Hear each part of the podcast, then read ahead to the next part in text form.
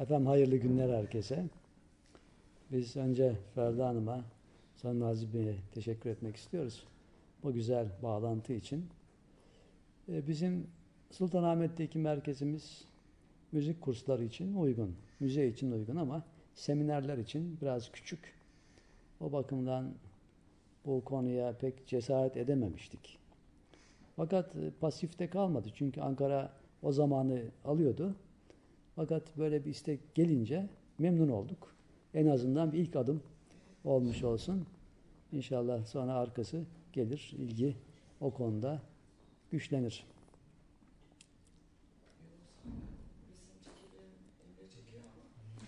Tabii tabii. Bundan epey bir zaman önce 1979 yılında Amerika'dan bir grup geldi. Bir arkadaşımız o grubu bizim fakirhaneye getirdi. O zaman Fatih'te oturuyorum.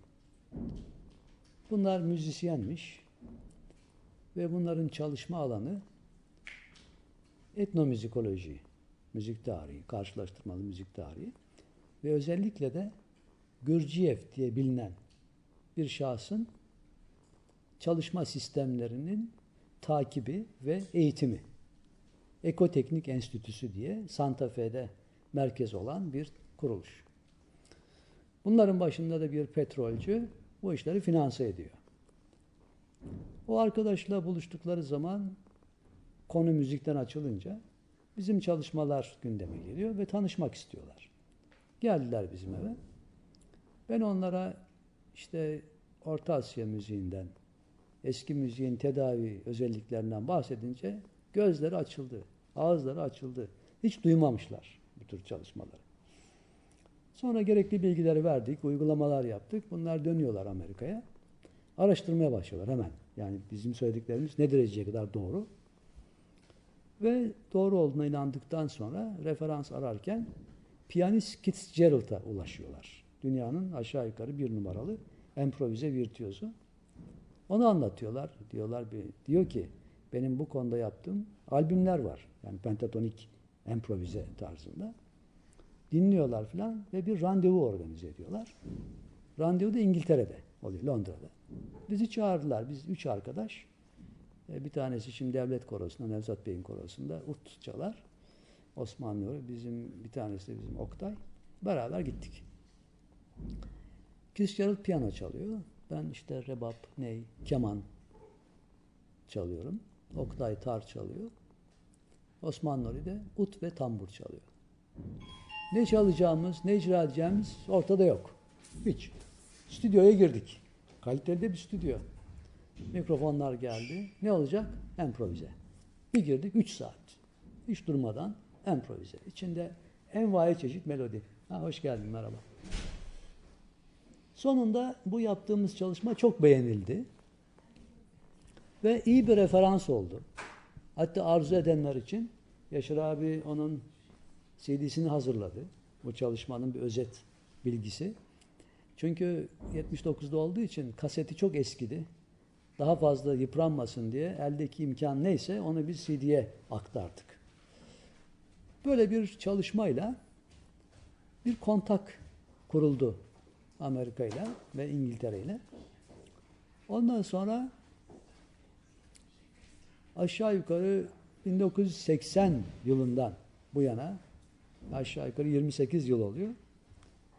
İspanya, Avusturya, Almanya ve İsviçre'de seri seminerlerimiz başladı.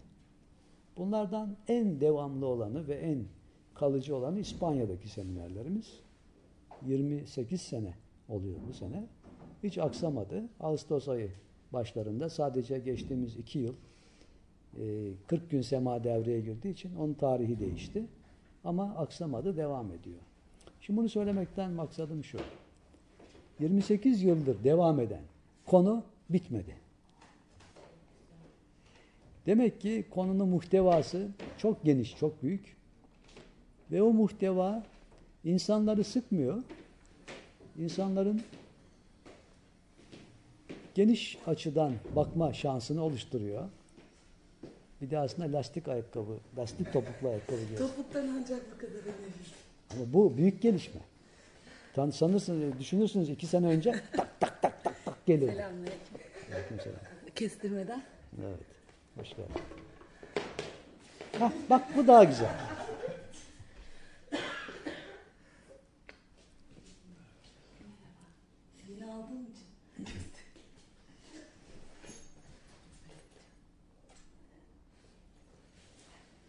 Konunun bu şekilde süreklilik sağlamasının bir sebebi bütün insanlık ailesini ilgilendiren bir konu olması. Bundan dolayı paylaşımı ortaya çıkarıyor. Avusturyalı'da, İsviçreli'de, Amerikalı'da, İngiliz'de, İspanyol'da, Çin'de, Japonya'da, Hindistanlı'da bundan istifade ediyor.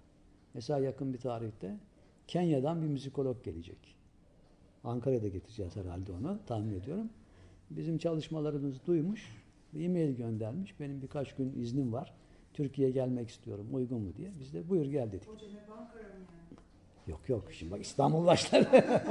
Ankara'ya deyince. evet. Şimdi Ankara'ya bir mesaj veriyorum. Haber hazırlık olsun. İstanbul'da tabii kalacak bir müddet inşallah.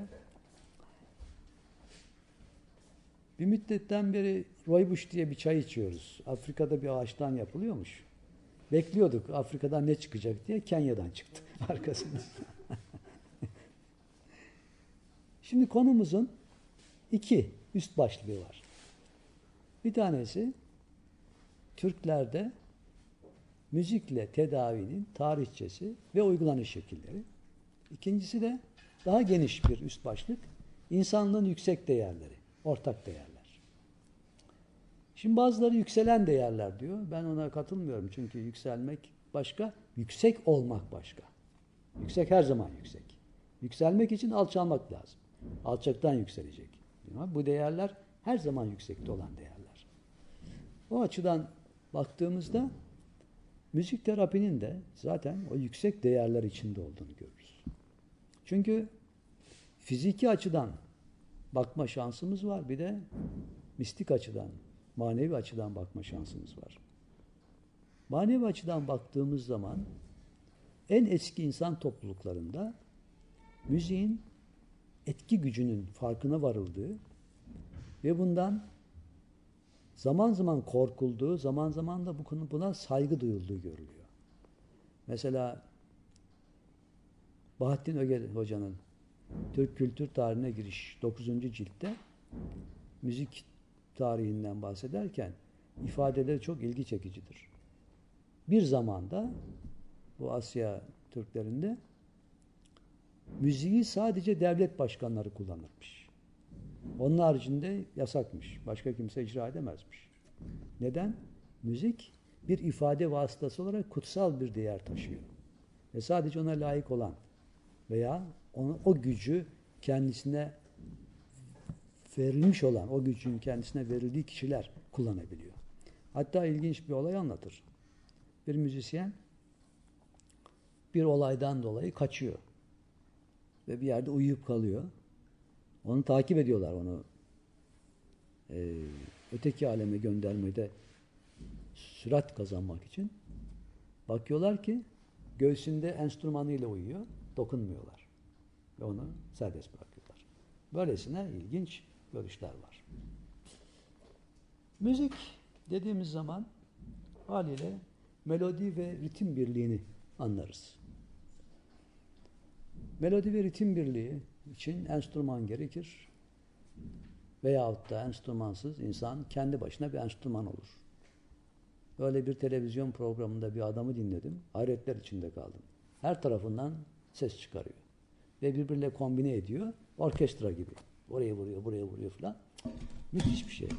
Zaten insan Allah tarafından öylesine donatılmış ki hakikaten sonsuz imkanlara sahip olduğunu anladığı zaman insanı ekber kavramına varmak mümkün. Basit bir varlık değil.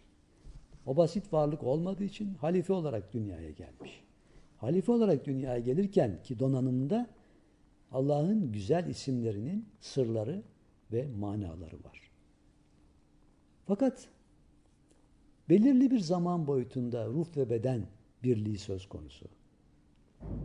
Eğer bundan sonraki yolculuğa bu ruh ve beden birliğinin getireceği yeni doğumu bu zamanın şuuru açısından koordine edebilirse yani daha bir başka deyişle gelecek yolculuğuna bu zaman boyutunda ulaştığı şuurla devam edebilecek olursa bu zaman boyutunda unutmadan o zaman sonsuzluğun ilminden ve sonsuzluğun getireceğinden faydalanma şansı olur.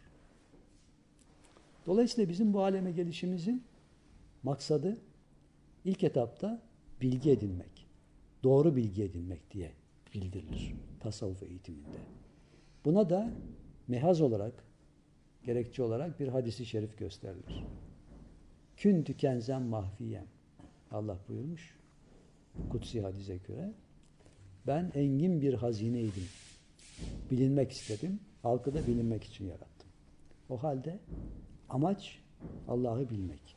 Allah'ı bilmek zaten onun emir aleminden zuhura gelen bütün var olanın bilinmesinde içine alır. Çünkü Allah'ı bileceğimiz zaman yani bilmeye niyet ettiğimiz zaman eşyayı bilmek durumundayız. Çünkü Kur'an-ı Kerim'de Bakara suresinin sonunda doğu olsun, batı olsun her nereye bakarsanız Allah'ın yüzü oradadır diyor. O halde zaten ondan başka bir şey yok ama temelde görüşümüz onu ayarladığımız zaman. Bu mümkün mü? Tasavvuf ehline göre mümkün. Çünkü kalp gözünün açılması, gönül gözünün açılması diye bir kavram var. Bu açıldığı zaman görünen yalnız o oluyor. Aslında görünen yine o. Ama görüşü o seviyeye getirmemiz lazım. Hazreti Mevlana'nın bu konudaki ifadesi çok ilginçtir. Sen onu göremiyorsan gözündeki rahatsızlığı gidermeye bak. Yani göz doktoruna git diyor. Bu demek ki olabiliyor. Fesemle ve çulla ayeti bunu bize gösterir. Şimdi demin ben hazırlık yaparken bu ilk seminerimizin ve buradaki ikinci faaliyetin hayırlı olması dileğiyle Hz. Mevlana'nın rübailerinden bir sayfa açtım. Acaba ne çıkar diye. Burada ilk okuduğum yer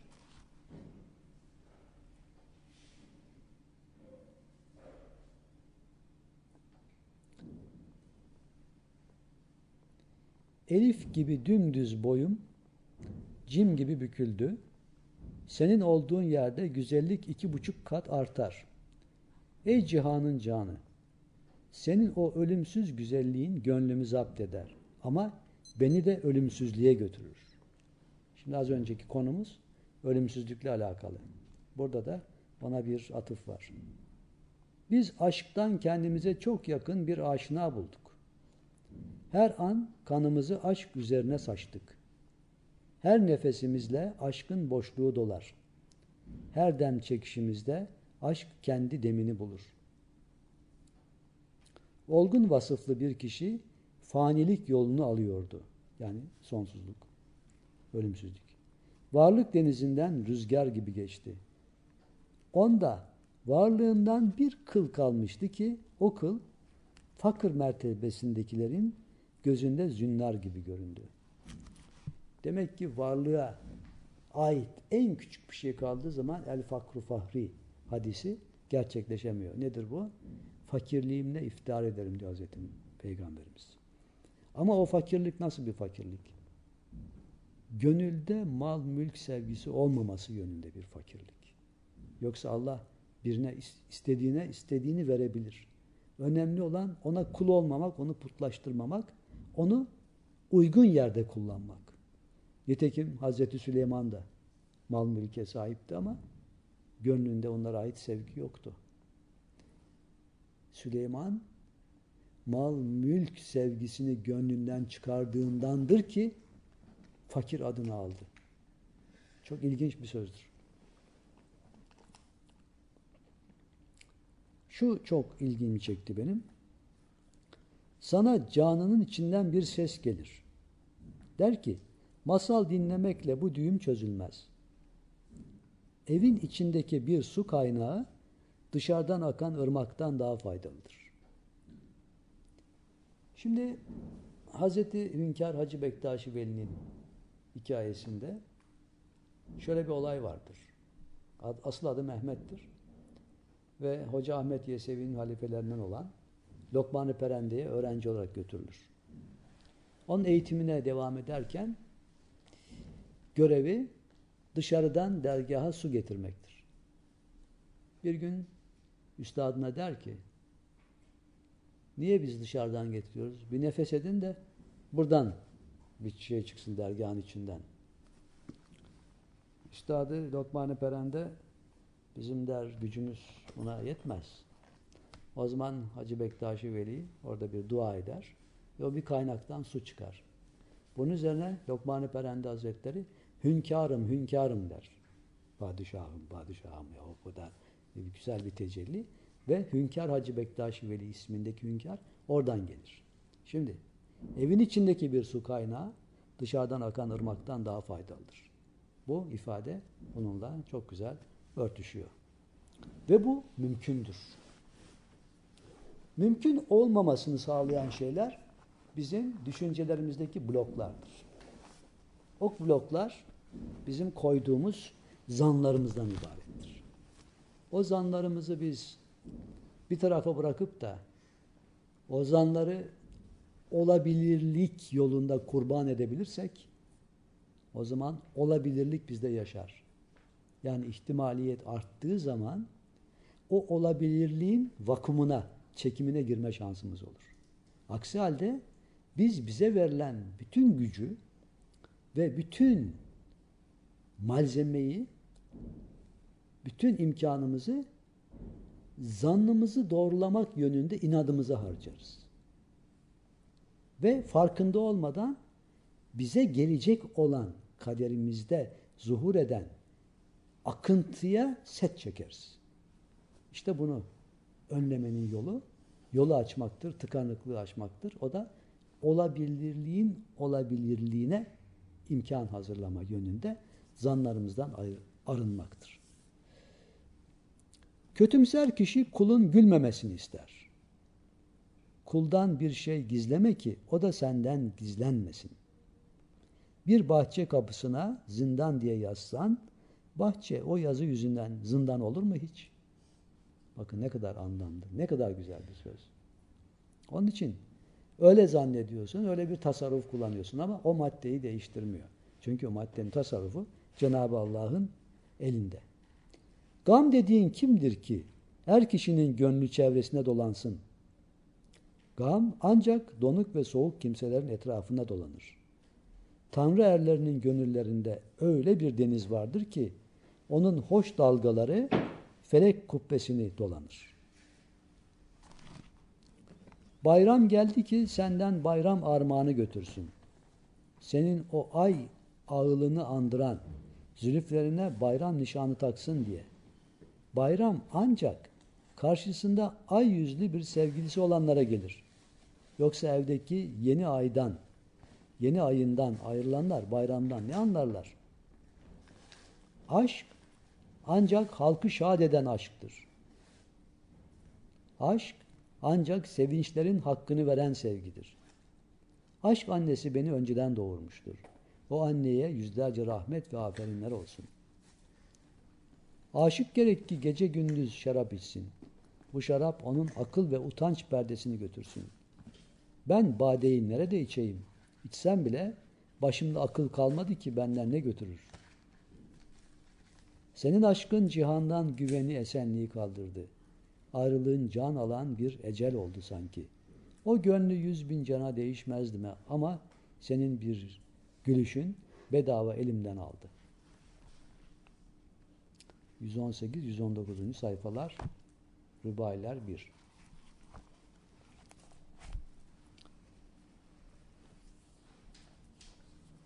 Cerrahpaşa Tıp Fakültesi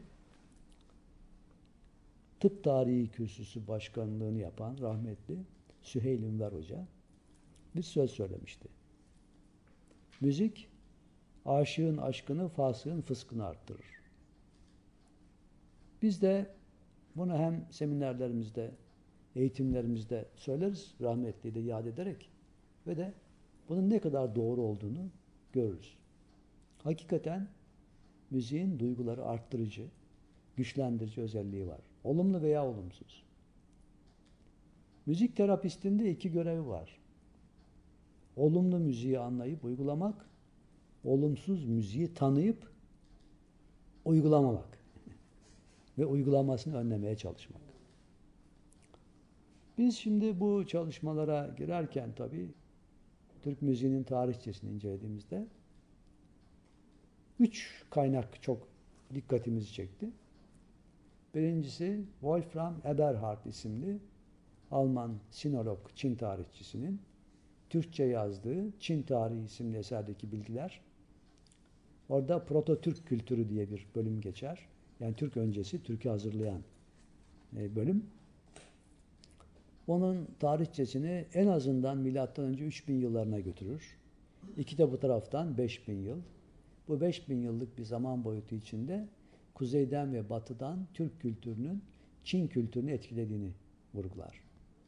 Müzik, tiyatro, dans, hayvan terbiyesi ve seramik başta olmak üzere birçok açıdan Çin kültürüne böyle bir etkileşim söz konusudur. Ve bugün Çinlilerin dünyada reklamını yaptığı ve sahip çıktığı akupunktur ve nabız kontrol, nabız teşhis metodunun Uygur Türklerinden Çinlere geçtiğine dair ciddi bilgiler vardır. Bugün günümüzde Çin aleyhtarı pek çok olay var. Bu olimpiyatta buna bir vesile oldu. Ve Tibet olayı da vesile oldu. Şimdi dünkü haberlerde nihayet Çin şöyle neydi o adamın adı? Tibet Dalai Lama ile diyalog kararı almış nihayet. Alman televizyondan hanım bunu söyledi. Ayrıca Azize'nin çok selamları var hanım. Gelemedi çünkü biraz hem işleri var hem de hazırlaması gereken bazı şeyler var. Onun için selam söyledi ve hayırlı olsun dedi. Bu bilgiyi de oradan aldık. Bu vasıtayla Çinlerin Uygur Türklerine yaptıkları zulümler de dünyanın gündemine yavaş yavaş geliyor Tibet'le beraber. Bunda kalmıyor. Kendisinin olmayan kültür değerlerini dünyaya kendisinin diye empoze ediyor.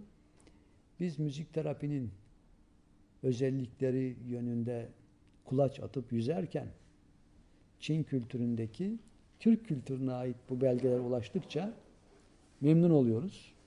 Çünkü Çinlerin bir güzel tarafı var. Başka taraflar da vardır tabi.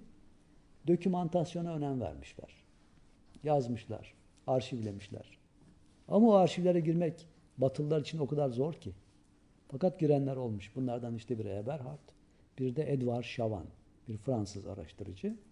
Onun da Lavignac Müzik Ansiklopedisinde çok ciddi bilgilere ulaştığını görüyoruz yine Çin kaynaklarından.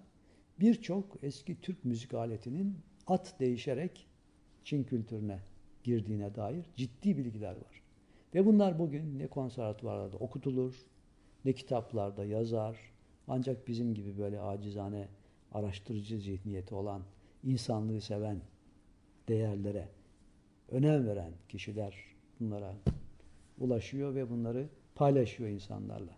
Dileriz ki bu tür araştırıcılar artsın, çoğalsın ve insanlığa bu bilgileri vermek yönünde yarışlar olsun ve hareketlensin. Bunu da buradan, bu ilk seansımızdan bir dua olarak dünyaya sunalım inşallah beraber. Şimdi biraz sohbet, biraz müzik. müzik dediğimiz zaman şundan bahsetmek istiyorum. Macar araştırıcı Szabolski'nin haritaları var. Bu size bahsettiğim Fitzgerald'da yaptığımız çalışmada pentatonik improvize çalışmaları yaptık demiştik. Nedir bu pentatonik? Türkçe adı beş sesli müzik. En eski Türk müziği formu. Ve bu en eski Türk müziği formunu Macar araştırıcı çıkış yeri olarak Güney Sibirya tarzında gösteriyor. Ve haritaları var. O haritalardan dünyaya yayıldığını gösteriyor ki patent itibariyle Türk kültürüne intikal eden bir özellik. Daha önce modal müzik kongreleri yapıldı. Bu kongrelerde Ahmet Adnan Saygun başta olmak üzere ciddi tebliğler verildi. Yurt dışından da gelenler oldu. Ve bu beş sesli müziğin dünyada bir ortak değer olduğu bulundu. Ve bu ortak değerin günümüze yansıması modern cazda kendini gösteriyor. Modern cazda en önemli olay eski tabirle irticali icraat. Bazıları irticai ile karıştırıyor bunu. irticali yani bugün doğaçlama denilen, improvize denilen bir çalışma. içinden geldiği gibi sezgiye dayalı bir icraat. Ve bu improvizasyon olayında pentatonik gamların çok çok e, etkisi var ve imkan kapasitesi çok geniş. Mesela bir özellik daha aynı pentatonik gamla icra eden 10-15 enstrüman farklı improvizeler yapıs, yapsa bile birbiriyle çatışmaz. Ve kakafon denilen rahatsızlık verici müzik ortaya çıkmaz. Hep ahenklidir. Bu müziğin böyle bir özelliği var. Onun için modern caz dünyada şu anda en gelişmiş müzik olarak kabul edilir. Ama temel malzemesi bu beş sesli müziktir. Ve bu da arkaik bir özellik gösterir. Binlerce yıldan beri değişmeyen ve binlerce yıldan beri var olan bir müzik türüdür.